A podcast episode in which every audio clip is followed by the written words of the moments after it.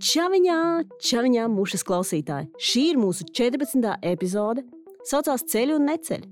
Bet pirms mēs sākam runāt par ceļiem un neceļiem, man, protams, drusciņi ir jāapstāsta par to, ko mēs šeit tajā mušā darām. Var gadīties, ka jūs pirmo reizi vienkārši kaut ko skrolējāt, varbūt uzklišņājāt uz kādas reklāmas, varbūt kāds jums ir atsūtījis un pateicis, hei, tev varētu patikt podkāsts muša. Es drusku pastāstīšu par to, kas šeit notiek. Mēs ļoti ticam tam, ka stāstiem ir milzīgs spēks. Stāstiem, kurus mēs dzirdam, un stāstiem, kurus cilvēki var izstāstīt citiem.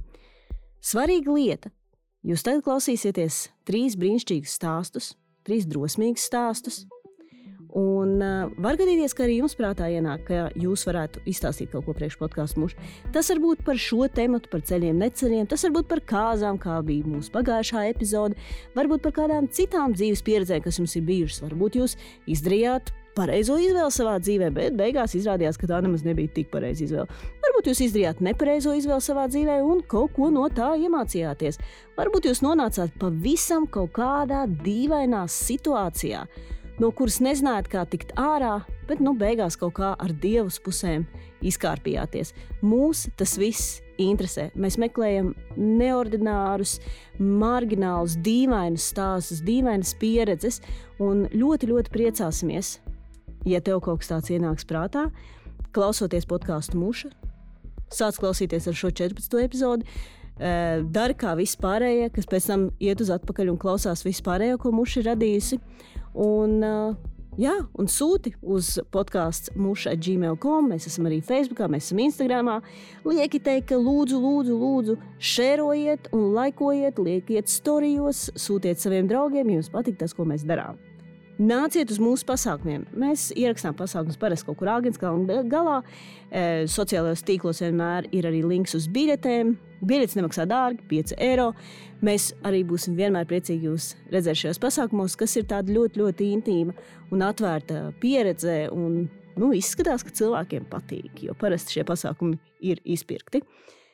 Nu, ko, ir pienācis brīdis sākt klausīties stāstus.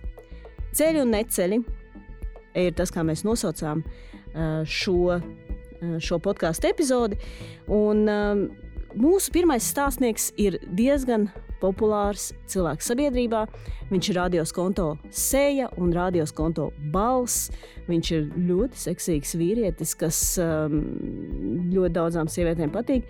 Daudzi viņu redzējuši uh, dažādos TV šovos, uh, lasījuši par viņa dzīvi žurnālos. Un, uh, kad mēs viņu uzrunājām, prasījām, vai viņš var izstāstīt kaut ko tādu, nu, kas gluži varbūt nav parādījies mēdījos, kaut kas tāds interesants, kaut kāda viņa personības šķautne.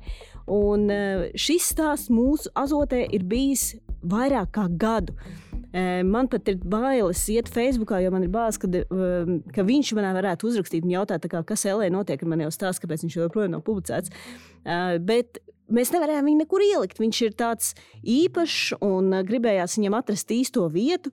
Un tad mēs sapratām, jā, ka mums ir parādījušies vēl divi stāsti, kas ir kaut kādā ziņā ļoti līdzīgi šim.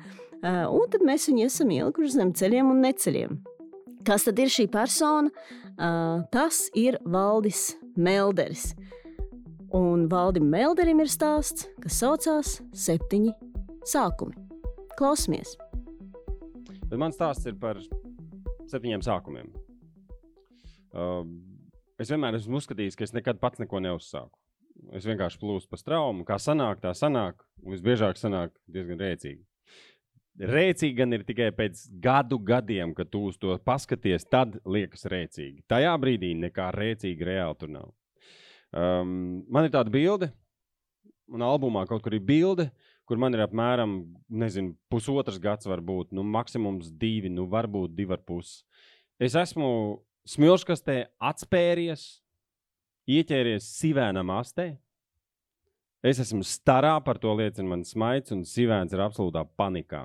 Viņš mēģina izrauties, un man tas liekas reāli rēcīgi. Tāda bilde man ir, man kaut kāda cepurīta galvā ir, un es esmu starā, un viņš ir panikā. Uh, tad otra, otrs, otrs tāda aina, kas man palikusi uh, prātā, ka es jāju uz āžu laukos. Es vispār vasarām dzīvoju laukos, kamēr nenodarbojos ar smaiļošanu līdz 6. klasē, laukos bija āzas un trīs kazas. Cika, Cilla un Dika. Nāzis bija Brīsis, ne Fricis, ne Brīsis, Brīsis, jā. Un es viņu jāju. Viņam bija grūti, un viņš, ko viņš darīja, viņš man smērēja gar, gar garāžas sienu. Viņš vienmēr tā notēmēja, ieskrējās, notēmēja, un tā, lai es trāpu tajā stūrī ar kāju vai kaut ko tādu. Un es aiz dusmām viņam kodus prandā. Es āzim kodus prandā. Pirmkārt, ādas smird, nereāli smird. Ne, nepietiek ar to, ka es pats smirdēju pēc jāšanas uz āžu, es viņam kodu sprandā. Kāpēc sprandā, es nezinu. Bet man pēc tam uh, tante Maiga, pie kā es dzīvoju, mammas māsa, stāstīja, ka es biju drausmīgi nežēlīgs. Un uh, tas vēl ir mazākais, uh, ja runā par tiem septiņiem sākumiem, tie faktiski ir tādi septiņu hobiju darbi sākumi. Un uh, man ir aizdoms, ka pirmais darbs bija, es biju sadists. Es nesaprotu, no kurienes bērniem ir tāda spēja neiedziļināties kaut kādās citu cilvēku, vai citu bērnu vai dzīvnieku um, sajūtās vai sāpēs. Kaut kā tur var atrast baigo fanu, kā gadījumā ar, ar, ar sivēnu vai gadījumā ar āzi. Uh, vēl es atceros, ka mēs ar bērniem sodījām cāli. Es šobrīd par to domājot, vienkārši es, es, man reizēm liekas, ka es esmu psihopāts. Jo psihopātiem piemīto tāda spēja manipulēt ar cilvēkiem, panākt, ka cilvēki dara to, ko viņiem liek. Viņi var vēsu prātu aprēķināt, kā to labāk izdarīt, un cilvēki dara to, ko viņiem liek. Un man ir aizdoms, ka pasākuma vadītājs tieši ar to arī nodarbojas. Tātad tu vari būt labs pasākuma vadītājs, tad, ja tu esi psihopāts. Un nu, pat BBC bija tāds raidījums, kurā uh, viena medmāsa bija vienkārši pēkšņi pieķērusi sev pie domas, pagaidi, bet es ar vēsu prātu spēju darīt savu darbu. Vienalga asinis vai, vai cilvēks mirst, es vienkārši izcili daru savu darbu, vai es gadījumā neesmu psihopāte, jo es tajā brīdī vienkārši ļoti profesionāli lietas daru. Kāpēc es padomāju par to psihopātu? Tāpēc, ka um, mēs ar, ar bērniem vienkārši sodījām cāli. Cālis bija knābājis glodeni. Tātad cēlis ir pelnījis sodu. No sākuma mēs cēlu piesējām um, striķī un slīcinājām. Un viņš izķepurojās. Pēc tam mēs viņu aiznesām uz mežu un pakārām pie koka. Es nestāstīšu, kas notika tālāk. Bet viss beidzās ar to, ka mēs viņu aprakām. Um, un kas ir pats briesmīgākais, mēs to visu darījām ar milzīgu taisnīguma sajūtu. Jo cēlis bija pelnījis sodu, viņš darīja pāri glodenei. Un es šodien redzu cilvēkus, kas ar milzīgu taisnīgumu sajūtu dara briesmīgas lietas. Un viņi ir absolūti simtprocentīgi pārliecināti par to, ka aiz viņiem stāv taisnība. Uh, Gotmit uns, ja mēs atceramies 40, 30, 40 gadus Vācijā, Gotmit uns, Dievs ar mums. Un uh, mums toreiz bija tieši tāda sajūta. Tas bija pirmais sākums, ja runājam par darbiņu. Man liekas, ka jā, es esmu psihopāts pēc profesijas. Otrais darbiņš bija, kad es sāku strādāt skolā. Un uh, skolā strādāju pēc psiholoģijas skolotāja. Un, uh, tā kā es vienkārši skolā stāstīju visu to pašu, ko es, stāst, ko es pats biju dzirdējis augstskolā, pedagoģijas fakultātē, kas studēja psiholoģiju, par psiholoģijas skolotāju. Es gāju uz skolu no 5. līdz 12. toreiz, laikam, klasē, stāstīju vienu un to pašu visiem. Jo nu, tev nekādu programmu tur nebija, stāstīja, ko zināja. Un viens no stāstiem bija par uh, sociālo psiholoģiju, kur ļoti svarīgs acu kontakts ir. Un um, mums bija pasniedzējs, kurš šķielēja. Un man liekas ļoti rēcīgi, ka viņš ir cilvēks, kurš stāsta par acu kontaktu. Un es paņēmu šo stāstu, un tieši tāpat kādā klasē, skolā stāstu par to, cik rēcīgi ir, ka tu stāsti par acu kontaktu. A, ko darīt, piemēram, ja tu šķielē? Visa klase rēc. Un es saprotu, ka es esmu labs skolotājs, jo esmu izklaidējis klasi par to stāstu ar acu kontaktu. Un tikai viena meitene priekšā nesmējās. Un es domāju, kāpēc viņa nesmējās. Un es paskatos uz viņu, un viņa skatās uz mani un šķielē. Un tas ir tas mirklis, kad tu saproti, ka smiekli nedrīkst būt par katru cenu. Un ka tev izmisīgā vēlme būt smieklīgam um, visbiežāk to novada situācijās, kurās uh, galīgi nenāk smiekli. Uh, tad nākamais bija Latvijas televīzija, kur uh, es sāku strādāt par diktoru. Mani darba audzinātāji bija Induls Bērziņš, nē, varbūt arī. Bet uh, režisors Liepiņš, Induls Liepiņš un uh, Udrs Tokmans. Un, tā bija tāda nopietna skola. Es kā tagad atceros, piemēram, Arnolds Liniņš, kas mums arī bija pasniedzējis un mācīja runas mākslu, teica, un jums, Melderkungs, ar tādām lūpām vispār ļoti daudz ir jāstrādā. Bet uh, bija tāds moments, ka tu lasi programmu, tev bija jānolasa programma. Tad 7. mums būs ziņas, tur 7.30 raidījums, tur spektrs 7.45. tur raidījums nezinu, par mehanizatoriem. Um, 92. gads laikam. Un uh, pienāk viens brīdis, kad uh, tev režisors saka, tev ir jāizpild 7 minūtes. Programmas nolasīšana aizņem minūti, pusotru. Un tad ir pāris vāciņi, kuros ir kaut kāds apraksts par raidījumu. Un tajos vienos vāciņos bija par kaut kādu čāli, kaut kādu čāli, kurš strādā kaut kur. Un, lai tu aizpildītu septiņas minūtes, tev piecas minūtes ir palikušas, un tas sāc tagad runāt par to čāli. Tu, muguri ir slapja, tu, tu, tu viss svīsti. Tu saproti, ka tev jāizpild 5 minūtes, un tur ir trīs kameras studijā. Un tu esi gaisā Latvijas televīzijas otrajā programmā, kā diktors. Un uh, es sāku runāt par to čāli, mēģināju kaut kā izpīpēt, kas no tā raidījuma varētu būt. Un tad tas, uh, tas cilvēks ir kā lokomotīve, kas pa metāla sliedēm dodas betona sienas virzienā. Un jo tālāk es runāju, jo saprotu, ka lielāki sūdi ir vienkārši. Jo tagad no šīs lokomotīvas un no tām sliedēm, no tā betona sienas, tagad izķepuroties ārā ar godu vienkārši nav iespējams. Un es neatceros, ar ko tas viss beidzās, bet tad, kad es gāju cauri režijai, tur bija absolūts kapa klusums. Re operatori, kas stāvēja pie kamerām, uz mani neskatījās. Režisors tajā brīdī, kad es jau tā kā gāju ārā pa durvīm, viņš teica, nu, Melder, tu čugunu lēji. Es aizgāju pa taisno uz liftu, jo es sapratu, ka mana karjera ir beigusies, un visticamākais es negribu rādīties ārā uz ielas. Es uzbraucu 26. stāvā, un paldies Dievam, balkona durvis bija cietas. Un tad es padomāju, cik labi, ka reizēm kādas durvis tomēr ir cietas. Jo mēs parasti frustrējamies par to, ka durvis ir cietas. Bet toreiz ļoti labi, ka tā, jo man bija pilnīgi pārliecība, ka šeit es varu savu dzīvi arī mierīgi beigt. Tāpēc, ka kurš pēc kaut kā tāda vispār var iziet uz ielas? Pirmkārt, to neviens nebija redzējis, jo kurš gan skatījās Latvijas televīzijas otro programmu tad, tad uh, es sāku vadīt pasākumus. Man jāsaka paldies uh, Aināram Eisakam, bēdīgi slavenam um, šovu biznesa darbiniekam. Uh, viņš rīkoja konkursu Missis Latvija. Pateicoties, kuram es tiku arī pie pasākuma vadīšanas, viņš bija arī mediju fonda vadītājs, un es vadīju 98. gada sākumā mediju balvu Tas bija mans pirmais lielais pasākums Latvijas televīzijā. Es ļoti centos, bet man diži labi nesnāca. Un es vienīgais atceros no tā pasākuma, ka pēc tam, kad es ar tādām spīdošām acīm, neatceros režisorei, laikam prasīju, nu kā man gāja. Viņa teica, tu vismaz smaidīji. Tad turpmāk ik reizi, kad kaut kas nesanāk, vienkārši smaidi izmisīgi. Smaidi, nu tā kā tā ir tava pēdējā iespēja. Smaidi uz vēlu paraušanu. Ja? Tas ir pēdējais, kas tev var glābt.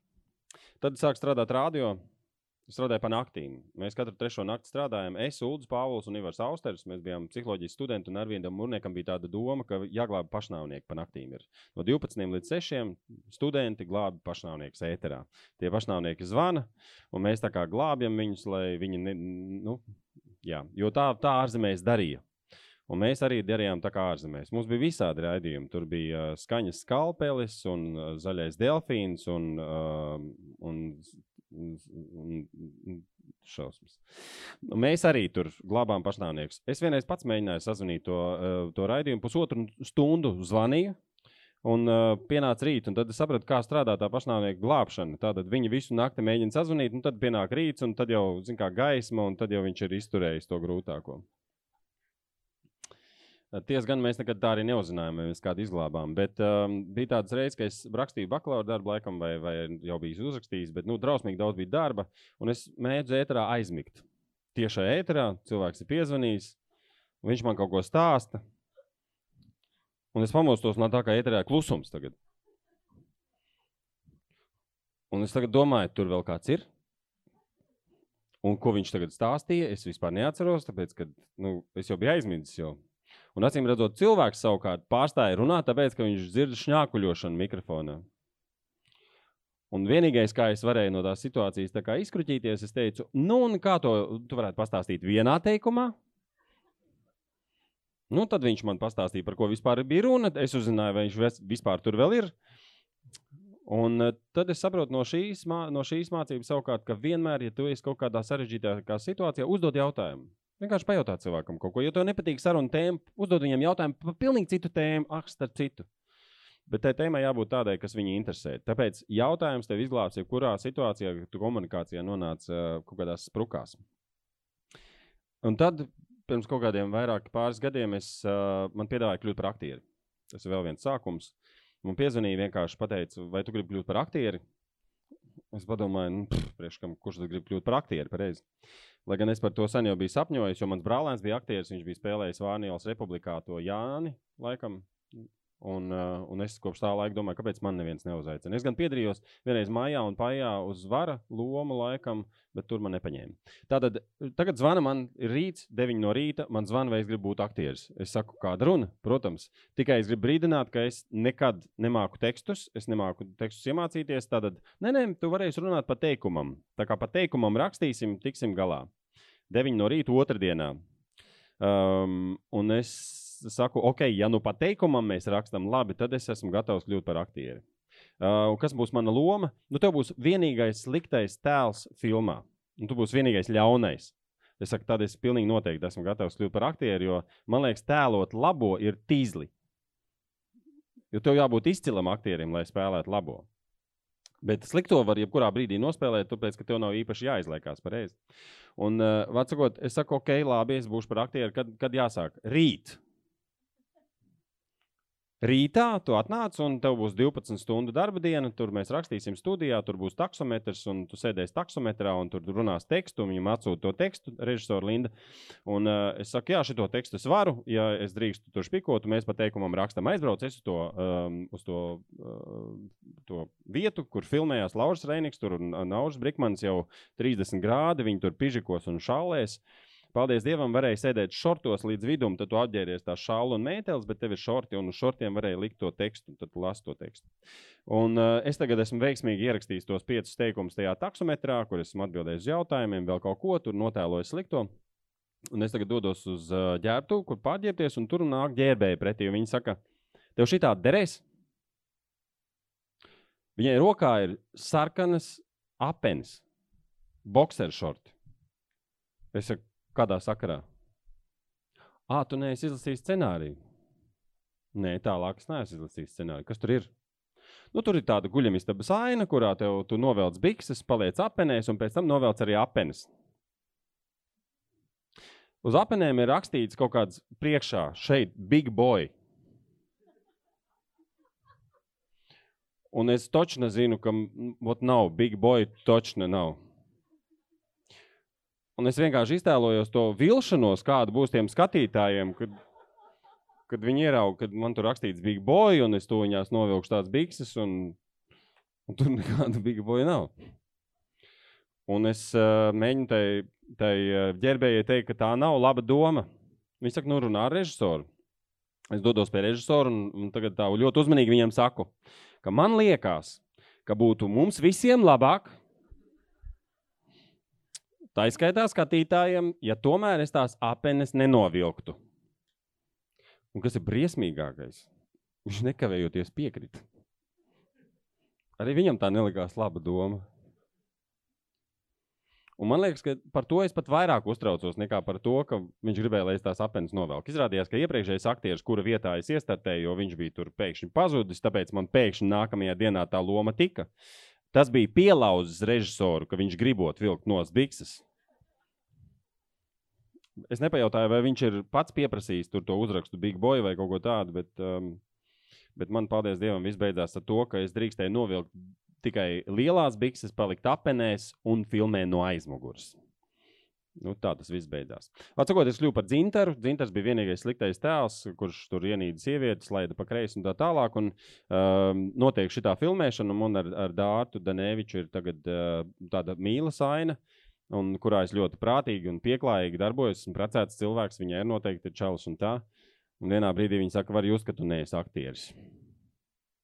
Es domāju, nu vismaz viens no komandas beidzot man acīs to pasaka, jo tur 12. dublis, 13. dublis, tad tu ne tādā gaismā stāvi, tad tu ne to tekstu pasaki. Un, uh, Beidzot, ir viens cilvēks, kurš saņemās un to pasaka.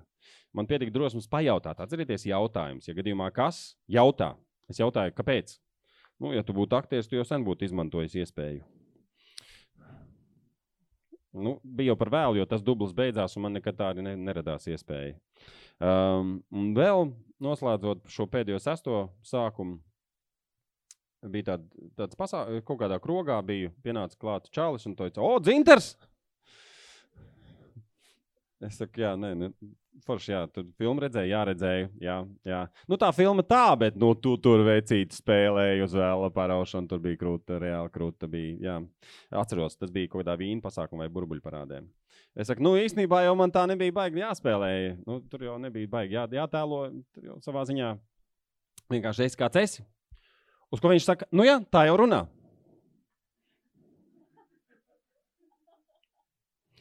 Ok, Es, vārds sakot, negribēju uzzināt, ko vēl runā, bet uh, ar to mūsu saruna arī beidzās. Un uh, runājot par pēdējo septīto sākumu, kurš, kurš ļoti sa labi saslēdzas ar to psihopātu. Tajā divu gadu vecumā. Kas man atkal lika domāt, varbūt tomēr tur kaut kas ir. Um, mans, mans um, tas, kā viņu sauc, konsultants radio pirms gadiem 15 vai pat 20 mācīja par to, ka, ja tev baigi liekas, ka reiz krūts čalis un baigi rulē, tu ne, neko nerulē, tu vienkārši sāc zaudēt realitātes sajūtu. Un reizēm tev gan uz skatuves piemetās tāds sajūta, ka tu baigi reāli rulē, gan televīzijā varbūt kaut kas baigi labi sanāk. Un rāģiņā piemetās ir tādas dienas. Un vienā tādā dienā es izlēmu, ka es varu izstāstīt savu mīļāko anekdoti. Es viņu izstāstīju ēterā. Es kā cilvēks pabrīdināju, ka tā ir nu, tā melna anekdote, un ka bērniem nevajadzētu klausīties un tā tālāk. Un es nevaru, at, es nevaru atturēties. Man drausmīgi gribās to anekdoti izstāstīt šeit. Jā, Jā tā tad. Vārds sakot, melnā anekdote. Es apsolu, gudvārds, briesmīga anekdote. Man mīļākā anekdote dzīvē. Es neesmu neko labāku dzirdējis vispār. Bet tā, tā, tad, tad, kad es to izstāstīju, un to reakciju no cilvēkiem, klausītājiem, tad sapratu, varbūt tur tomēr kaut kas ir ar to psihopātu. Tā tad maza meitenīte spēlējas smilškastē. Viņai ir spainīts un lāpstiņš. Viņa spēlē, spēlēja smilškastē. Un tagad pienāk kaut kāds svešs onkulis un saka, atdod spainīt. Meitene saka, nedošu, man mamma teica, spainīt nevienam nedot. Un onkulis saka, atdod spainīt, citādi izduršu aci. Meitene saka, nē, ne, nedošu, man mamma teica, nevienam spainīt nedot. Onkulis saka, labi, un izdur viņai aci. Vecākot meitenīte spēlējas tālāk ar vienu aci. Viņa spēlējas, un onkulis saka, atdod spainīt, citādi jūs duršu otru acu. Meitenīte saka, nedošu, man mamma teica, lai es spainīt nevienam nedodu. Onkulis izdod viņai otru acu. Meitenīte pieceļās un vienkārši iet kaut kur. Onkulis viņai prasa, kur tu iesi? Man mamma teica, ka paliek tumšs, jāiet mājās. Izbaudiet to mirkli, kad jums gribas smieties par kaut ko tik briesmīgu.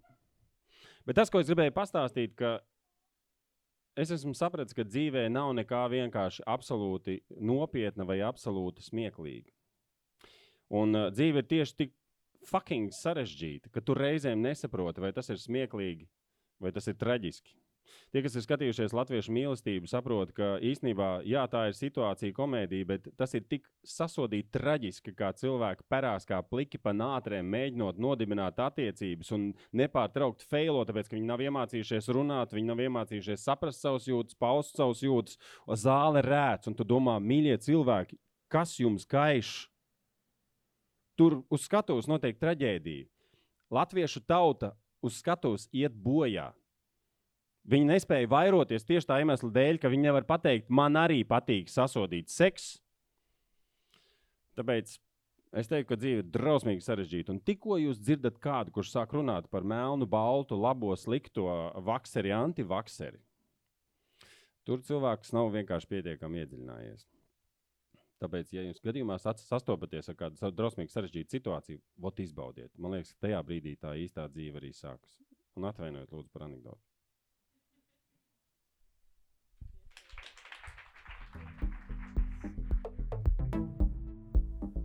Paldies, tev, Valdi, ka biji kopā ar mums, ka izstāstīji savu stāstu.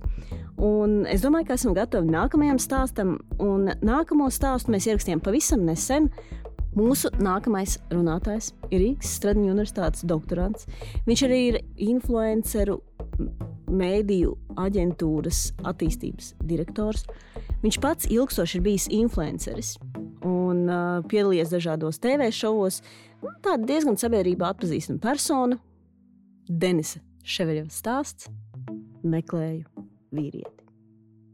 Sveiki! Es ceru, ka jums ir forši noskaņojums. Paldies par tādu skaistu pieteikumu.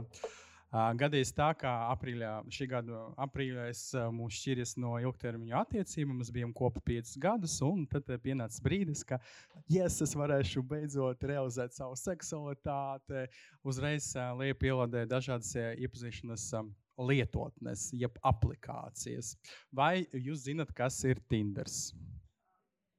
Vai jūs zināt, kas ir Grinders, jeb Grindr? Ja? Vai jūs zināt, kas ir Raja?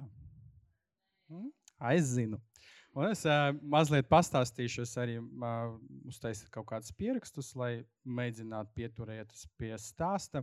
Es, kā cilvēks, kurš uh, ir iesaistīts akadēmiskā vidē, man patīk lietas sistematizēt, pētīt, un es vienmēr sevi mierināju, nu, Denis, ja tev neizdosies, vismaz tu varēsi iekrist kaut kādu pieredzi, pierakstīt, padalīties. Tas tāds arī veids, kā sevi pasargāt no tām neveiksmēm. Un tad arī man veidojas tāds jau kaut kāda atraduties ceturto nedēļu tajās brī, bez attiecā, attiecībām, tajās lietotnes, ja saku domāt, varbūt man arī pienācis laiks veidot kaut kādu uh, podkāstu. Un es sāku apzināti jau mēģināt pierakstīt, taisīt screenshotus, viss, kas notiek tajās aplikācijās. Un, principā, man ir pat izveidojis kaut kāds uh, uh, saturs uh, potenciāliem podkastam. Es arī izmantošu platformu, pareklamēšu. Tad, lūdzu, sekojiet arī man Instagram. Un, kad tas podkāsts būs gatavs, tad jūs uzzināsiet visu par, uh, nu, nezinu, kā var veidot. Uh, attiecības homoseksuālais vīrietis, pilsētnieks Rīgā, piemēram. Nu tā, labi, es paņemšu otru telefonu, jo influenceram ir divi aparāti. Viens ir darbam, otrs ir um, lietotnēm, piemēram. Tā. ok, tātad. Ievadu es teicu, jā, tad, tad uh, par, runājot par tiem tinderiem, bija tā, ka vispār mums vajag apzināties. Jūs zināt, kāds ir uh, lietotnes mērķis? iepazīšanās. Kāds ir mērķis lietotnei? Nē, lietotnes mērķis ir turēt to lietotni atvērtu, lai jūs visu laiku tur atrastos. Tas arī par to arī ir vērts padomāt, kad mēs esam kaut kāda aplikācija, īpaši, kur ir bezmaksas, tad, protams, ka viņi finansē sevi vismā, visdrīzāk caur reklāmu, vai viņi pārdod jūsu datus, tāpēc viņi, jo, atra, jo vairāk jūs lietosiet to aplikāciju, jo labāk viņam ir. Un, ja jūs atradīsiet kaut kādu savu sapņu, sievieti, vīrieti vai uh, vēl kādu būtni, tad uh, jūs vairs nelietosiet to lietotnē. Un tad tas lietotnē, protams, nepatiks. Tad, un arī tad jūs varēsiet, uh, par šo ļoti daudz jau raksta īpaši uh, par Grindr, kā, kā tas ir vispār iznīcinājusi uh, sabiedrības to audumu, audekli, kā visi tur veidos kaut kāds maldīgs priekšstats, ka jums ir ļoti liela izvēle un kāpēc centies, var kādu noblocēt un tā. Tā kā par šo ir daudz jau rakstīts pētis, bet es tā, tik dziļi neiešu. Uh, Un um, Tinderī uh, viss notiek lēni, jāmaksā. Es sapratu, ka tur nav baigas jēgas, jo tik un tā, uh, runājot par uh, homoseksuāliem cilvēkiem, viņi visdrīzāk arī būs grinderi. Un, protams, ka, lai tu gribētu būt vairāk pamanīts Tinderī, uh, ok, pacelt roku, kas ir brīvs un kurš lieto iepazīšanās uh, aplikācijas. Vis, visam ir otras pusītes. Ja? Ah. Labi, ok. nu, tas būs izklaidēšana. Tad priecājieties, lūdzu, ka jums ir otrs pusītis, ka jums nevajadzēs vispār iziet cauri šim murgam. Es arī tā kā atceros, ok, nu labi, Denis, varbūt tiešām bija vērts izšķirties un tā, un tagad tu piedzīvo visas tas pazemošanas un tā. Un tā nu, tomēr ir vērts, es ticu, ka man viss arī būs kārtībā un es nelietošu tas lietotnes. Nu, lūk, un tad Tinderī tev visu laiku jāmaksā par kaut ko. Mm, nu, es maksāju, maksāju, un tad zini, ka tev mēneša beigas jau tur Apple čāržo, tur 15 eiro, tur 25. Tu domā, par ko tu tagad maksā? Nav rezultātu nekādu. Un tad es vienkārši esmu izdevies no tā Tindera. Rāja ir tāda tik by invitation only vai pēc ielūguma tāda elitāra aplikācija, kurā arī maksā. Tur nevaram lietot bezmaksas, apmēram kaut kādi 11 eiro, bet viņi uh, uh, tirgo tīklošanu, networking. Tā kā tas uh, otr, uh, iepazīšanās nav tik svarīgi, un tad uh, tev vajadzētu verificēt, tad tev apstiprināt citi cilvēki, kas tev pazīst, un tur jau reāli high profile. Tur visi kaut kādi radošie direktori, kaut kādi CEO, CFO. Nu, tā kā laba aplikācija interesanti. Visi izskatās kā nu, vienkārši no žurnāla vākiem. Es nezinu, vai nu viņi pēc apstrādes tādas bildes, vai tur tiešām cilvēki, kuri saprot, kas ir mārketings un izmanto uh, profesionālu zināšanas privātai dzīvei. Bet problēma ir tāda, ka uh, Rāja Latvija nav populāra. Tur ir kaut kādi 4, 5 cilvēki, kuras bija sievietes un nebija interesanti. Un tāds, kas, ar ko tev sakrīt mačs, parasti dzīvo kaut kāda Stokholma. Ja? Nu, tas tā. Un, kad man uh, arī aicināja lietot šo uh, aplikāciju, lietotni, tad pabrindināja Denis, nu, tas ir tad, kad tu esi ārzemēs. Nu, tad es arī no Rājas esmu izrakstījis, jo tas uh, nekam neder.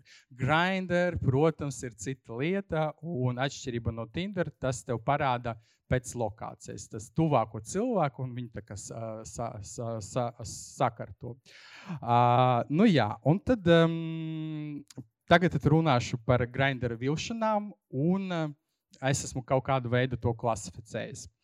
Principā, um, kādas ir ģenerālas vilšanas, ir vai nu cilvēki melo, uh, vai viņi nerīkojas.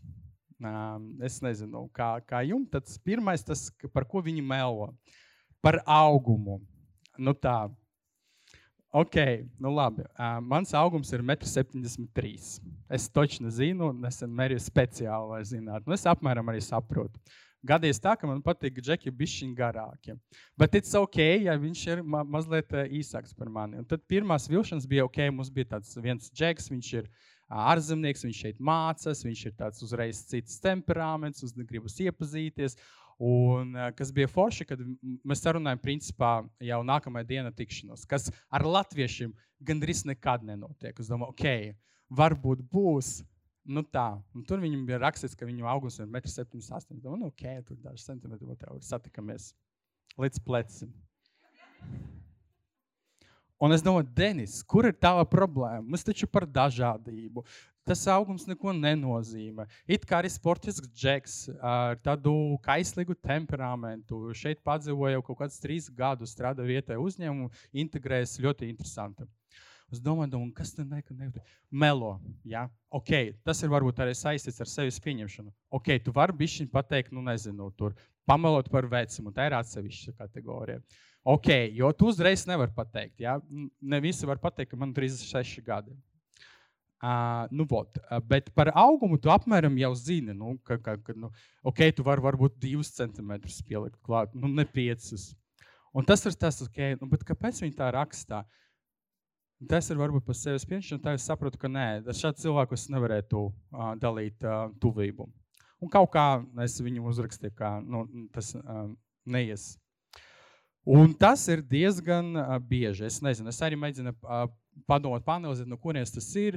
Un manam tēvam vienmēr bija svarīgi piefiksēt manu garumu, jo viņš kaut kāds tur fetišs, viņš pats arī nav lielā auguma un kā, kaut kādā nezinu, ar ko tas ir saistīts. Man vienmēr bija pofika. Uh, bet man, nu, tā kā sevi. Labi, otrais par vecumu. Nu, tā tad šeit.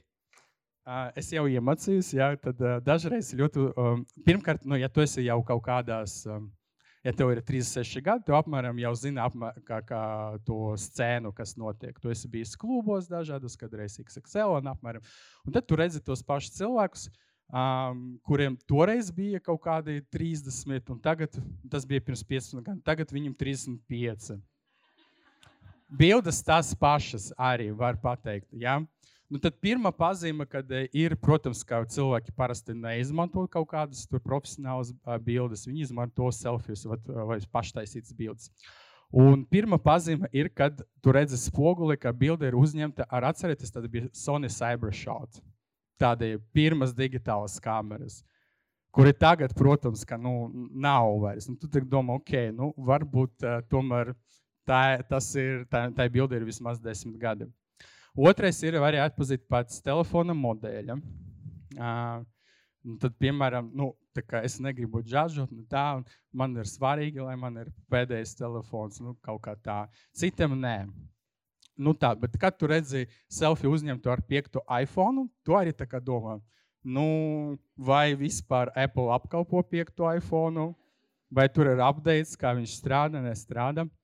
Bet Tallinā man bija tāds gadījums, kurš, protams, ir izņēmis un apstiprina to rūlu.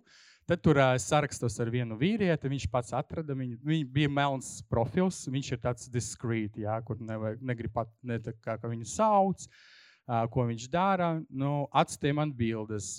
Izskatās tāds nu, kopts, sportisks vīrietis, nodarbojas ar uh, vindkaitingu, viss kārtība. Bet bilde uzņemta ar piekto iPhone. Un es saku, cik veca šī bilde ir. Viņš nesen uzņemtas, kā, kā tā var būt. Tas, kā, vai piektais iPhone tiešām strādā? Viņš saka, jā, strādā. Un tad viņš mums sarakstīja, un sarakstīja, es domāju, nu labi, Denis, tu, tu, tu jau, ir, jau ir kaut kur, kaut kur jau ir, kā 1. aprīlē es izšķiros, ir kaut kāds gandrīz mājas, nu, blin, vajag, jā. Nu, esmu Tallinā vēl, jā, zinu, kāda svaiga gaļa, uzreiz interese un tāda. Tā kā vēl esmu cipa no dienvidiem, no Latvijas, tur vairāk temperamentus. Ok, ok, jā. Atbrauca. Un viņš teica, es tev parādīšu. Un viņš atbrauca, parādīja man trīs reizes, un arī iPhone parādīja. Piekto, un viņš strādāja. Tā kā tas nevienmēr ir tas, kas um, varētu būt tā pazīme. Nu, lūk, tas ir, kā mēs parunājam par augumu, par vecumu. Nu, jā, Tas, tas, tas liels vilšanas. Otras vilšanas, ko es eh, kategorizēju, ir uh, bezrīcība kaut kāda. Uh, jums visam paveicas, jūs varbūt jau, jau kaut kādus palāgus rakstījat, rakstījat, satikat jūsu otras pusītes, vai jūs satikat otras pusītes pirms bija Tinder un citas aplikācijas. Uh, apskaužu jūs ļoti forši. Un tad ir tādi čatotāji. Es nezinu, varbūt tā ir mūsu kaut kāda temperamenta īpašība. Uh, varbūt tā ir vienkārši mūsu laika pazīme, ka cilvēki tiešām grib vienkārši savākt bildes tavas. Un tad viņi tev čato, čato, kā tev iet. Nu, saku, nu, es parasti atbildu lieliski, jo man pārsvarā iet lieliski. Un viņi tā, oh, nevar būt lieliski un tā. Tad viņi lūdz kaut kādas bildītas atsūtīt. Un tad es sūtu savas bildes. Nu, ja man reāli pēc bilžu, pēc uh, Delfu fotografu reportāžiem man vienalga. Es varu visam atsūtīt savas bildes. Visu, visu redzēju man no visām sāniem, un tur nekas tur arī jauns nebūs. Un tad pēdējais no tiem čatotājiem parādīs kaut kāds vīrietis. Nu, nav tā kā mana gauma. Es domāju, nu labi, Denis, nu varbūt labs cilvēks tur vai liels loceklis. Es nezinu. Tad uh, uzrakstiet man pirms kaut kādiem sešām nedēļām. Uh, kaut ko uzrakstīt, es gribu. Nu, pirms, saku, pirms mēs ejam, iesim tuvībā, es gribētu vismaz aiziet uh, restorānā. Nu, esmu tāds old school. Um, un tad jāsarunāsim. Sarunājam, dienu pazuda. Uzrakstīja atkal. Vai mēs varam tikties piekdien? Saku, jā, varam. Uh, kad pazuda? Vakar uzrakstīja, Vai mēs tiekamies, saku, jā, cikos? Viņš atbildēja, nu nezinu, kā, darbs, kā būs ar darbu, tad uzrakstīšu. Un es šitu nesaprotu. Nu, nu, izskatās, ka viņš Džeks arī nu, ne, nu, ne, ne labas dzīves ir tā grinderi visu laiku. Es esmu arī ok, ja esmu gatavs satikties, ja esmu atvērts. Tu nevari ieplānot laiku, nezinu, nedēļu uz priekšu, piekdienu vakarā. Nu, kas tur ir? Kāds tev tāds darbs? Un es nezinu, ar ko tas beigsies. Uh, varbūt stāstījis pastāstīšu, tāpēc arī piesakot. Nu tā, un ir tāda čatotāja. Ir arī citi čatotāji, ka, nu, kas jau teica, ka grib izvilkt no tās bildes, un varbūt pēc tam ar viņiem masturbēt. Es nezinu, kas tur notiek. Es tā nedaru. Um, jā, nu tad, un vēl viens, tas par tām vilšanām vai nericī, nerīkošanas, ir tāda neskaidrība.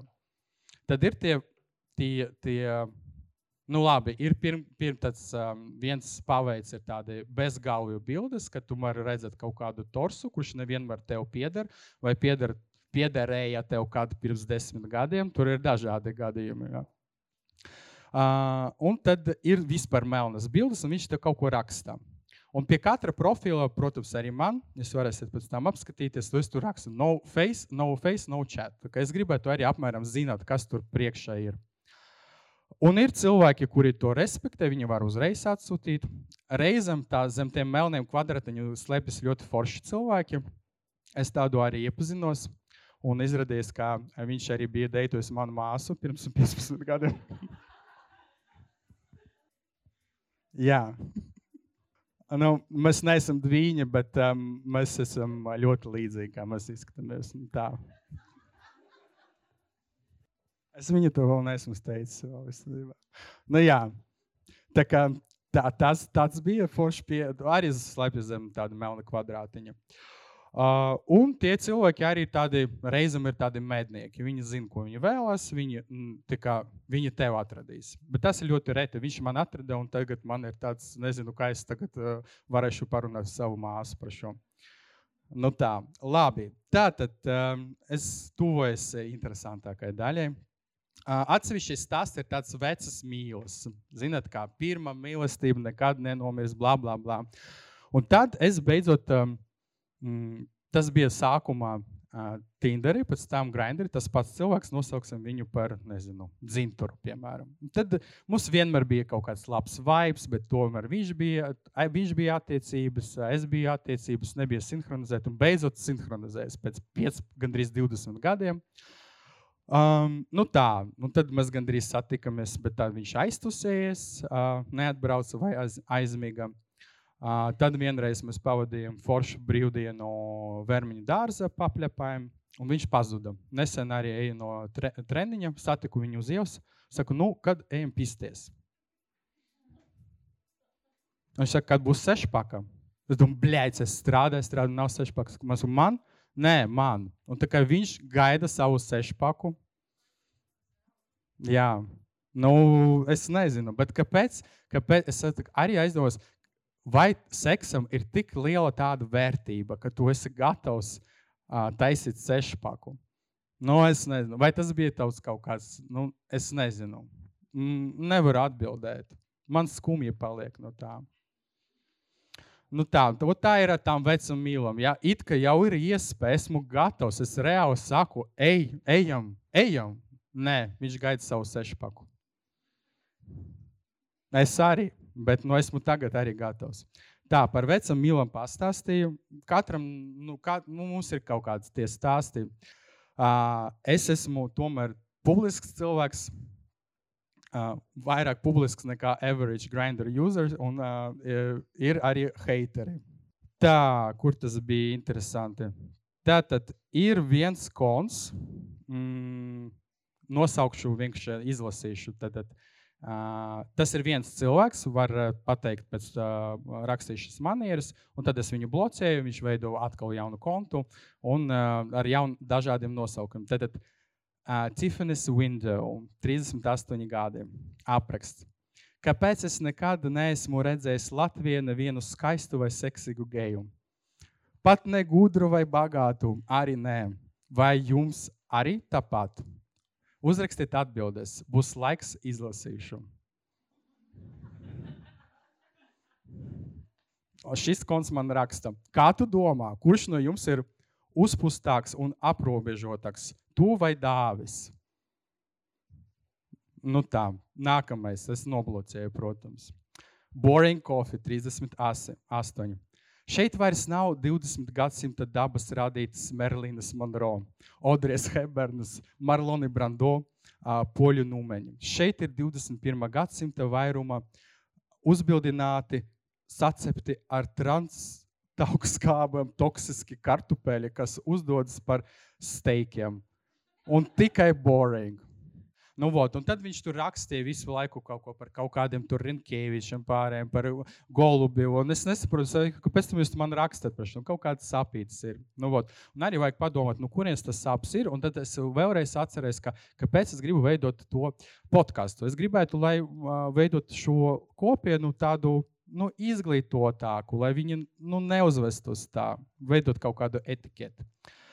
Un uh, tad par, ir hateri. Nu, protams, ir um, tiem, kas nepatīk man, ir skaisti gari mati, un tad viņi raksta vienkārši mm, nogrieztos man nost. Un pēdējais, pēdējais, tad visu mēs dzirdējam par Tinder Swindler. Tas arī notiek grindariem. Nu, jā, tūlīt, jā. Tātad um, to esmu pamanījis pirms kaut kādiem diviem mēnešiem. Parādījās kaut kādi Azijas izcelsmes ļoti skaisti puiši, kuri grib stāvēt tevi sākt čaktot, un pēkšņi viņam nepatīk grinderi, viņu grib uzzināt tavu WhatsApp numuru, un tad viņi tur sāk sarakstīties. Un viņi tev vienkārši apdāvina komplimentu, un cik tu esi skaists, bla, bla, bla. Un tad viņi visu laiku ir aizņemti, starp citu, viņam daudz darba. Un tad es jau kaut kā domāju, nu labi, ļoti netipiski, ja kā, kaut kādi Azijas izcelsmes džeki mums tur ir kaut ko strādā. Bet es uzķeros uz Kolinu no Spānijas. nu, vot. Viņš tā kā uz pusi, nu tā kā Es domāju, nu, varbūt es gribētu tādu mazliet pieaugušu vīrieti, tomēr, kurš jau zina, ko viņš vēlas. Es arī tur gribētu kaut kādu ģimeni, māju, bērnus. Un tā, domāju, okay, nu, varbūt viņš ir. Uh, un kaut kā izskatās inteliģents, sarakstamies. Uh, viņam arī vajadzēja uz WhatsApp, un es domāju, nu, labi, nu, pamēģināsim. Tad, Kolina no Spānijas, Kolina ar C, Kolina no Spānijas, tas es domāju, ka Denis, nu, kāds Kolins. Uh, raksta kaut kāds kā spānis, varbūt nav, var pateikt, ka tā nav dzimta valoda, angļu valoda. Un viņš man tur sūta savas bildes, kuras es no sākuma tik daudz neanalizēju. Viņš atstāja vienu bildi, tipu selfiju, otru bildi. Un tad es, nu, viņš laiku, visu laiku aizņemts, it kā viņš grib ar mani satikties. Viņš katru dienu man jautā, kā man iet, kā man dzīve un tā. Es rakstu, nu, domāju, cik mīļa. Tad viņš atsūtīja kaut kādas bildes no kaut kādām uh, uh, grill pārci, kad viņš aizbrauc pie draugiem. Un viņš teica, ka viņš arī grib šeit pārvākties dzīvot. Un es domāju, kāpēc, kāpēc Kolinam no Spānijas vajadzētu dzīvot Latvijā? Kāpēc? Nevaru saprast. Es domāju, ok, paskatīsimies uz bildi. Ah, un viņš arī teica, kā, kā, kā jums šķiet, kura viesnīca viņš palika? Jā. Nu, gandrīz Grand Palace. Jā, Grand Palace arī piecas zvaigznes, laba, laba viesnīca. Nu, ok. Cipā, uh, un viņš nosūtīja bildi jā, no Grand Palace. Es Grand Palace biju pa darbu, ne tādu, ko es domāju. Es zinu, kā izskatās numuri. Un es skatos, kaut kā tur kaut kā nesakrīt. Un tad tur arī, arī var redzēt brošūru Sofitēlu. Sofitēlu ir tāda viesnīca. Un es viņu jautāju, es jau sapratu, ka tas ir kaut kāds uh, razvods. Es jautāju, es, Es nezināju, ka Grand Palace ir pievienojis Sofitel tīklam. Viņš saprot, ka nu, es jau kaut ko nojaušu. Ja, tur. Vēl nos, pas, paskatījis to selfiju, ko viņš man ir nostājis no tā vakara, kur viņš ir Rīgā. Un es arī redzu pēc arhitektūras, ka mums Rīgā nav vispār nav, nav tipiski. Tad viņš raksta kaut ko, laikam, ātri iegūlē, kur atrodas uh, uh, Grand Palace un uh, kaut kādu mūrku, ka tur blakus ir bike rental. Un domāju, ok, nu labi, zini, kā, ja tu gribi uh, mēlot efektīvi, tev vajag pēc iespējas vairāk detaļas pateikt. Bet nu, es jau zinu šos trikus, es ar marketingu strādāju. Nu tā. Un tad pēdējais. Tā tad kaut ko viņš man raksta vakarā, bla, bla, bla, un es jautāju, uh, ko tu dari? Un tad viņš raksta, I'm preparing some paper and documents for opening my business here. I know, oh, big fish. Tad seko screenshot no, kā jums šķiet, no kurienes? No kaut kādas uh, kriptovalūtas marketplace. Uh, On Vinci after a busy day at work, I checked the crypto market tonight. BTC is the, the downtrend, but it's starting up now. It's good time to, uh, for making profits. A funny question is, no, what is the funny question? Are you an investor in cryptocurrency or it's not the thing you are into? Nu tā, vopšiem es gribētu noslēgt ar šo visu savu stāstu. Tātad, ļoti labi, ka, kad es izšķiros, es aizgāju uz seksa stāvu un nopirku visas tās lietas, lai vienkārši to keep myself a bit calmer. Jo citādi es to nevarētu izturēt. Tā kā viss tas stāsts nebeidzas ne ar ko. Un es jūs aicinu vienkārši rīkot vairāk balītas mājas, aicināt dažādus cilvēkus. Ja jūs redzat, ka jūsu draugi ir mazliet tādi vientuļi, nu padomājiet, paskatieties, parunājiet ar citiem. Jo vislabākais ir, protams, redzēt, kāpēc arī man patīk balītas, ir redzēt cilvēkus, kā viņi uzvedas social settingā. Tu vari paskatīties, kā viņš kustās, kā viņš runā, vai viņš ir nu, labi smaržo, nu, citas lietas, kā kaut kur svarīgi. Un jā, tā kā esam cilvēcīgi un pavadām arī savu laiku šeit un tagad, nevis telefonos. Paldies!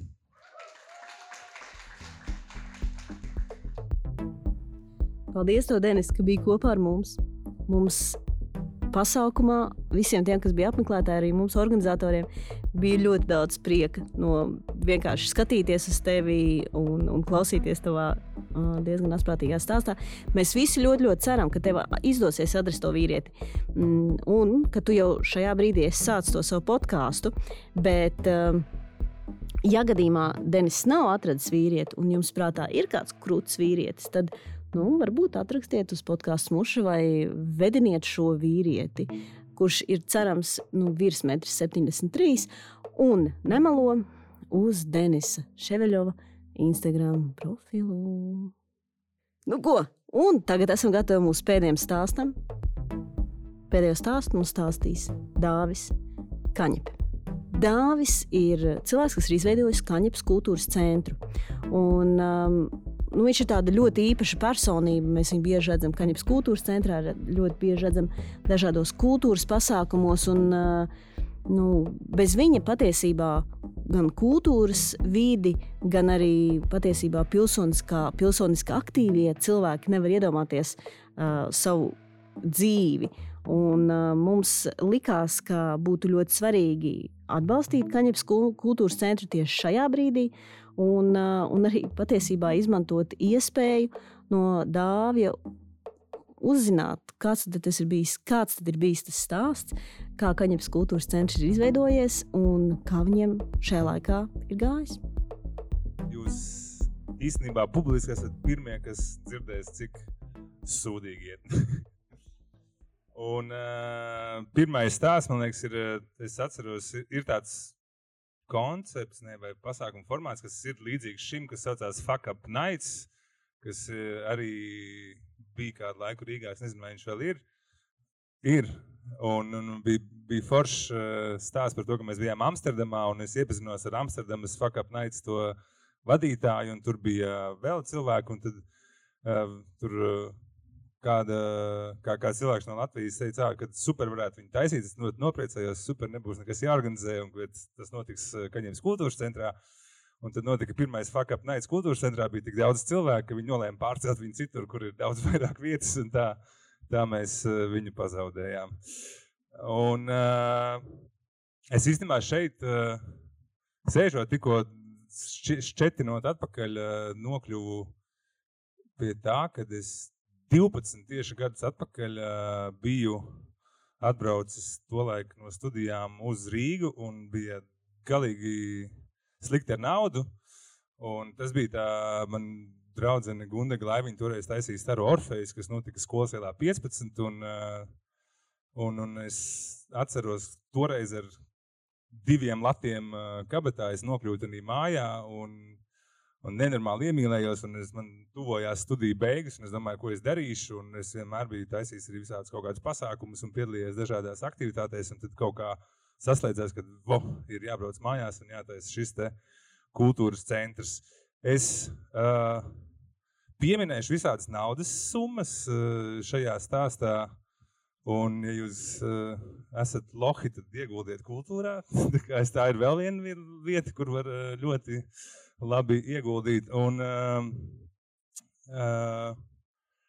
Un tās naudas summas es pieminēšu, tāpēc, ka viņas man pašam arī ir tik uh, milzīgas. Es nekā, nekad tādas neesmu redzējis, un tas nav dēļ kaut kādas uh, zīmēšanās vai kaut ko, bet vienkārši, lai arī jūs saprastu, cik uh, nopietni un cik uh, stresaini tas var notikt.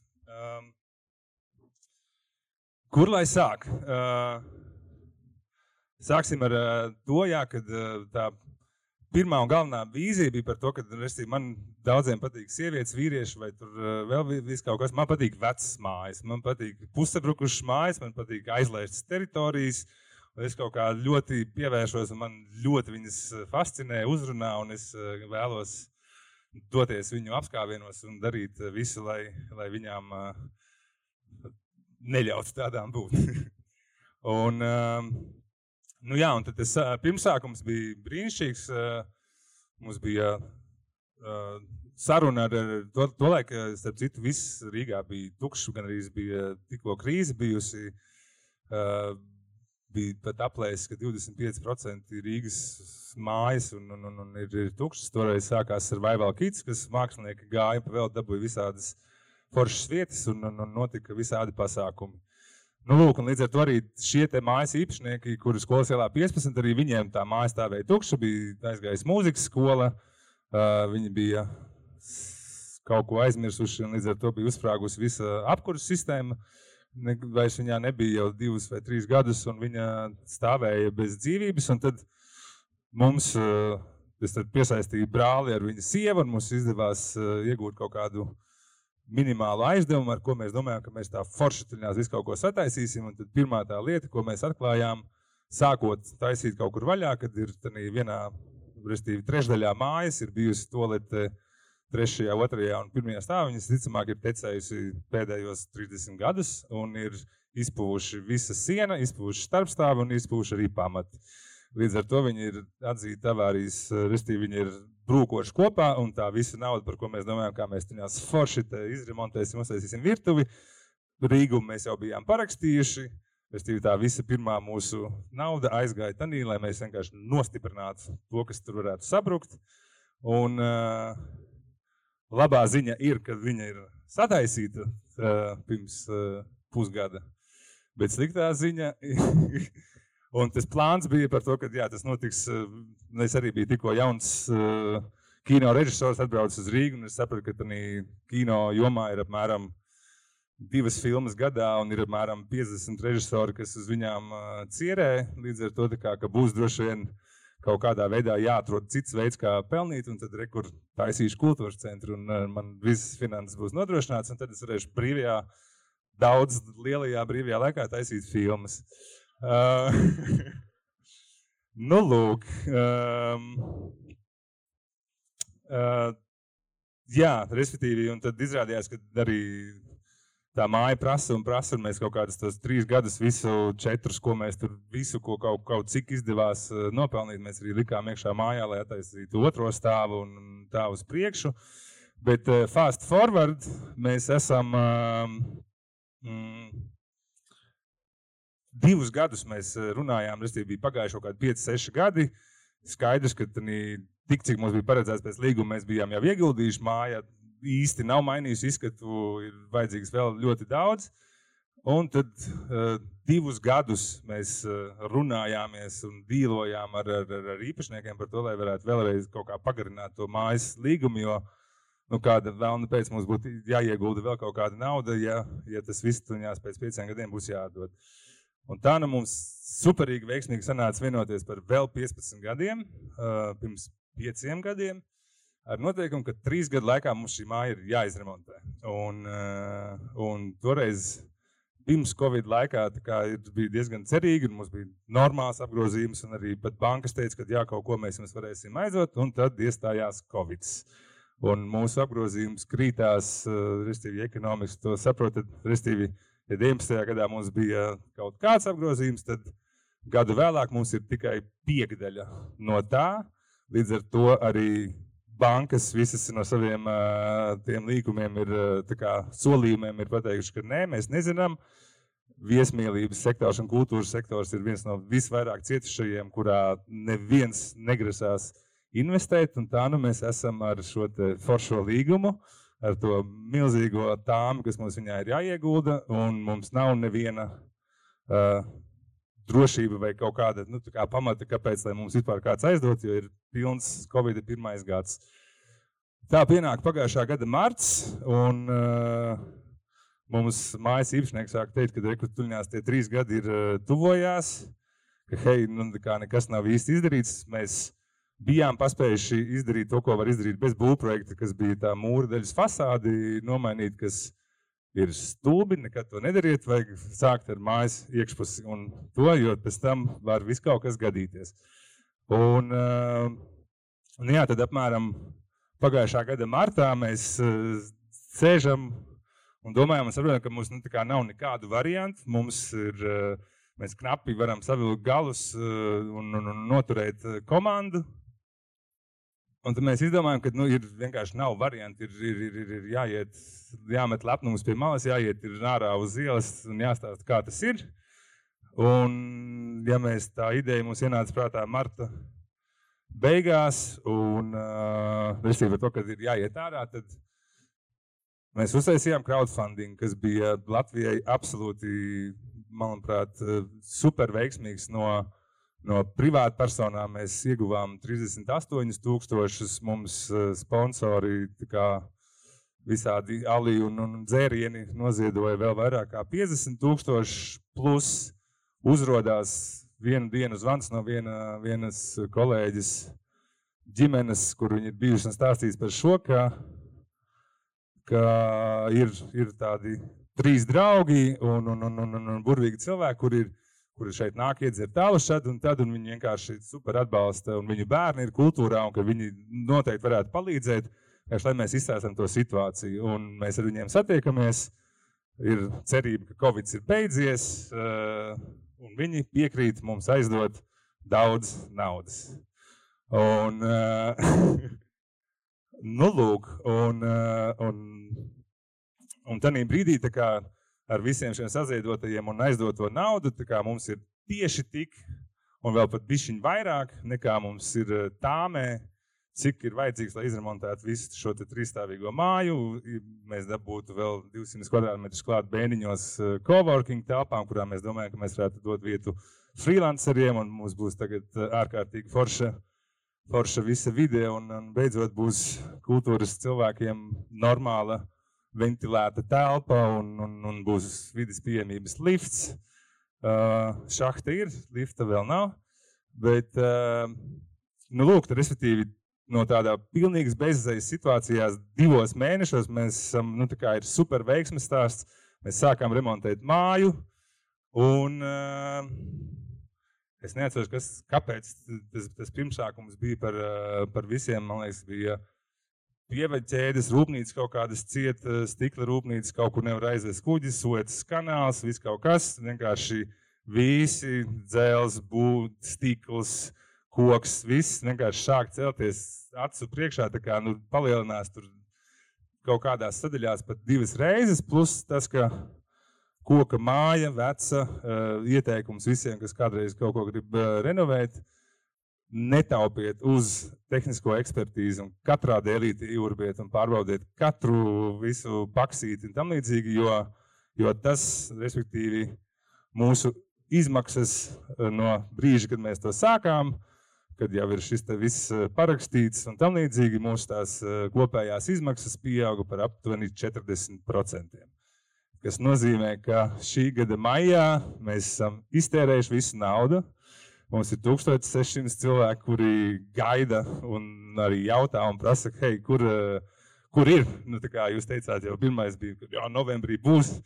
Nē, tad atklājās, ka tur pagrabs ir pārsakums, ir šis te, un tad, tad arī tas jāmaina, bet tad vajag taisīt projektu, tad būvvaldē ir divi mēneši, tad neizskata divos mēnešos, tad Restīvi mēs esam jūnijā pagājušajā gadā mēs sākām ar domu, ka mēs četros mēnešos šo renovāciju beigsim ir uh, septembris nākošajā gadā, un, uh, un ir, uh, restīvi, šis veiksmes stāsts ir, ir pārvērties par tādu murgu, un uh, nav vispār nekādas izpratnes, kur, kur, kur mēs uh, ejam, un, uh, bet tas noslēgumā vēl, vēl, uh, vēl, vēl pienāks. Uh, nu, lūk, un, uh, Uh,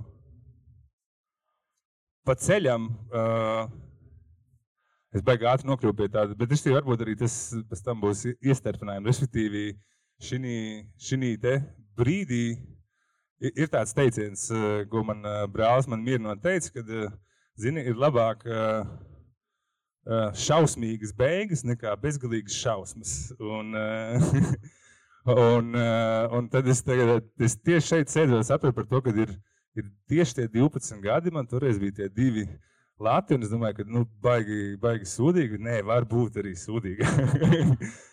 un, uh, nu, lūk, un, un, un šobrīd, restīvi, kāpēc mēs vakar zvanījām uh, Džemmai, ir par to, ka mēs tā, ir, ir, ir politikas vēsturē, laikam, ja nemaldos, Bušs bija tas, kurš vēl taisīja divas vēlēšanu kampaņas.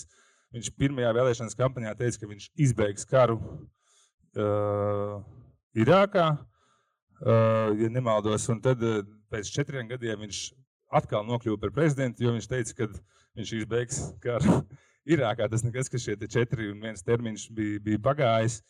Līdz ar to uh, jā, mēs gatavojam jaunu kampaņu. un uh, tā kā varēsiet sekot līdzi Instagram un, uh, un, un Facebookā un uh, redzēs, kā, kā ies, jo varbūt gadīsies tā, ka, uh, lai gan mēs esam ļoti iestājušies pret gentrifikāciju un, un rekur mūsu kultūras vide, tur ir izmest no Andrejostas, pēc tam tālāk no spīķeriem, pēc tam no VF teritorijas, un, un tas ir tāds nemitīgs process. No Tallinas kvartāla, bija uz trīs gadiem Free Rīgai piemērs, bet viņi pārņēma uh, šie īpašnieki pēc tiem trīs gadiem un, un sāka pieprasīt, piemēram, uh, procentu no bāra šīm kultūras vietām. Un tāpēc tur pamazām ir, bet līdz ar to kā, iespējams mēs neapzināti būsim veicinājuši šo te uh, gentrifikāciju Rīgas centrā un iespējams, ka mēs būsim ar jūsu starpā varbūt ziedotāju naudu šo māju gandrīz izremontējuši un tagad viņu pazaudēsim. Un, un pazaudējis arī nu, uz spēles ir likts nereāli daudz. Bet, uh, tāpēc par to ir jārunā un tā kaut kādā mērā uh, varbūt paliek bišķiņ labāk. Uh, tā tad jā, labāk šausmīgas beigas nekā bezgalīgas šausmas. Bet par to uh, tas tāds, es tagad te, kur jums izgāzu savu šito te, bet es gribēju pastāstīt vēl, es pierakstīju pāris uh, kaut kādus uh, fakapus, kas man, kas pa ceļam ir tik un tā devuši to prieku, lai, lai, lai, lai to visu darītu. Un bija tāds gadījums, kad mm, par rupja Agnēs Krivedes dzējoli kādā skolā tika atlaista literatūras skolotāja, jo tā dzējolī bija bļaģi. Un tad uh, vairāki, vairākas organizācijas, Dārtīdīla teātro, mēs no Kaņevas kultūras centra un Satorī mēs organizējām tādas uh, netikumīgās mākslas uh, vakaru, kas bija ārkārtīgi spontāns, uh, spontāns notikums. Un, uh, un tur bija ļoti daudz, kas, kas uzstājās un lasīja visādas lekcijas. Un, un kā jau tādos pasākumos, kad ir daudz cilvēku, tad visi pamazām ievelkās un tam līdzīgi. Un, un vajadzēja uzstāties uh, Imantam Daksim, laikam vienos, bet bija jau trīs, un pēc viņa bija vēl kādam jāuzstājās. Un, un tādā vēlajā vakarā vienkārši, ja jau tas bija netikumīgās mākslas vakars, tad Imants bija nolēmis nevienam nesakot, ka viņš spītīgi nepametīs skatuvi. Tas nekas, ka aiz viņa spēlē vēl kaut kas. Un, Un tā rezultātā viņš nospēlēja to 20 minūšu vietā, spēlēja jau 40 minūti, un jau tur tuvojās 4. Un tā nākošā grupa, kurai ir jāiet uz skatuves, viņi vairs arī nevar īsti izturēt, un cilvēki dodas projām. Un Imants ir ne, ne, neapturams un tam līdzīgi. Un tad beigās bija epizode, kur viņu vēl dziedam, izrautu ģitāru nes no skatuves, un viņš turpina aurot. Un, un, un, bija bija tā, tāds viens eh, foršs gadījums. Un uh, vēl ir ļoti interesants uh, attiecības uh, mums bijušas dažādas ar uh, Rīgas domu. Uh, lai gan es esmu ļoti priecīgs par to, kā, kā šobrīd uh, es tiešām redzu milzīgu progresu un, un tas viss uh, kļūst aizvien labāks, bet ir kaut kādas, uh, piemēram, uh, lietas, kas, kas ir mainījušās. Manuprāt, arī uz slikto pusi, bet par to mazliet vēlāk. Bija, mums bija tāda brīnišķīga pieredze, schizofrēniska. Jāsaka, ja mēs iedomājamies Rīgas domu kā vienu institūciju, tad uh, mums vienā brīdī, kad, uh, kad bija tāds, varbūt ir dzirdēts par to Igaunijas vēstniecības sūdzībām, un viņi, viņi izmantoja starptautisko notu lai pieteiktu, kā, lai sūdzētos Latvijas ārlietu ministrijai, kad mūsu darbība traucē viņiem strādāt. Un uh, tad brīdī sākās uh, nu, pilnīgi visādi veidi, veidi pārbaudas, un mēs bijām jau diezgan ieguvuši slavu. Un tolaik arī tos desmit gadus atpakaļ bija diezgan maz uh, kultūras tādas vietas. Un, un tas bija ārkārtīgi patīkami par to, ka pie, mums bija ļoti labas attiecības ar kultūras departamentu.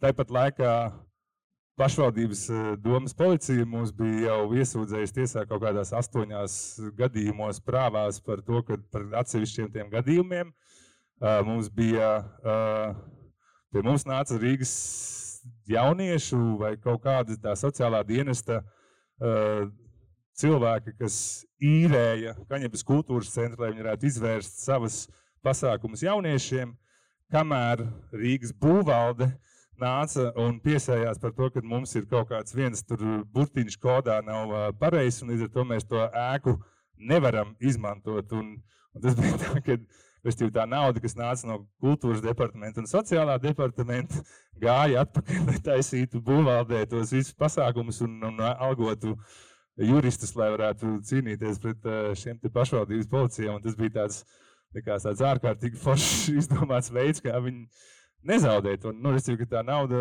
riņķo iet ekonomikā un atgriežas atpakaļ turpat, kur, kur viņa ir, ir radusies. Un uh, varbūt nobeidzot tāds uh, arī mazliet skumīgs un ar, uh, restīvi mums mēs uzņemam Tad ir tāda programma, tagad viņi ir pārsaukti. Senāk bija, man liekas, Erasmus, bet tagad viņi saucās European Solidarity Corps kas ir kā, ja, cilvēki un jaunieši. Bet jaunieši zem 40 Eiropas izpratnē tas ir vēl, vēl, ir, vēl es esmu jaunietis. un, uh, un tad mums bija, restīvi, mums ir bijuši seši tādi cilvēki, un tā statistika ir ļoti laba. Trīs no viņām ir palikušas Latvijā uz dzīvi arī pēc, pēc šeit pavadīta gada.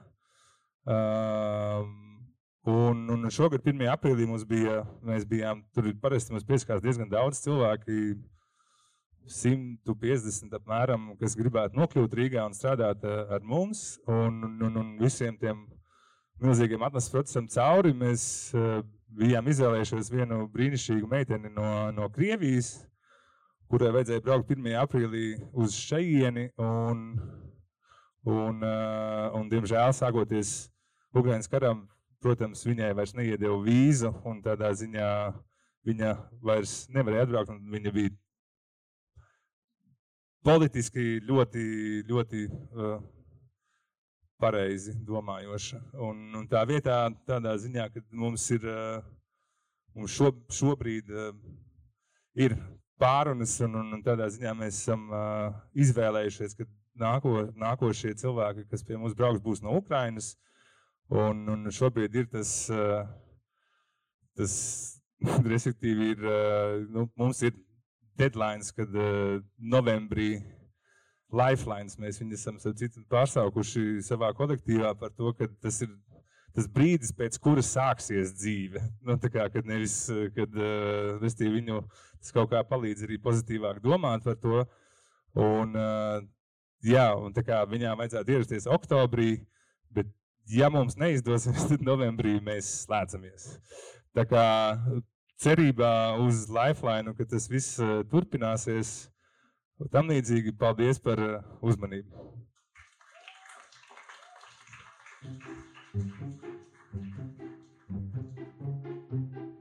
Nu, ko mīļie? 14. epizode ir galā.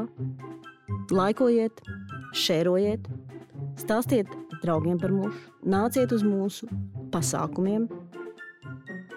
Sūtiet mums savus stāstus. Mēs tos ļoti, ļoti gaidām. Bet kamēr gaidām, tikmēr atgādinu, ka šo podkāstu veidoju es Džēma Sudraba, Mārta Herca, Alvis Krauja, Agata Mežule, Monta Kaiva un Kerija Broka. Nu, mums tas viss. Atā, bučiņās!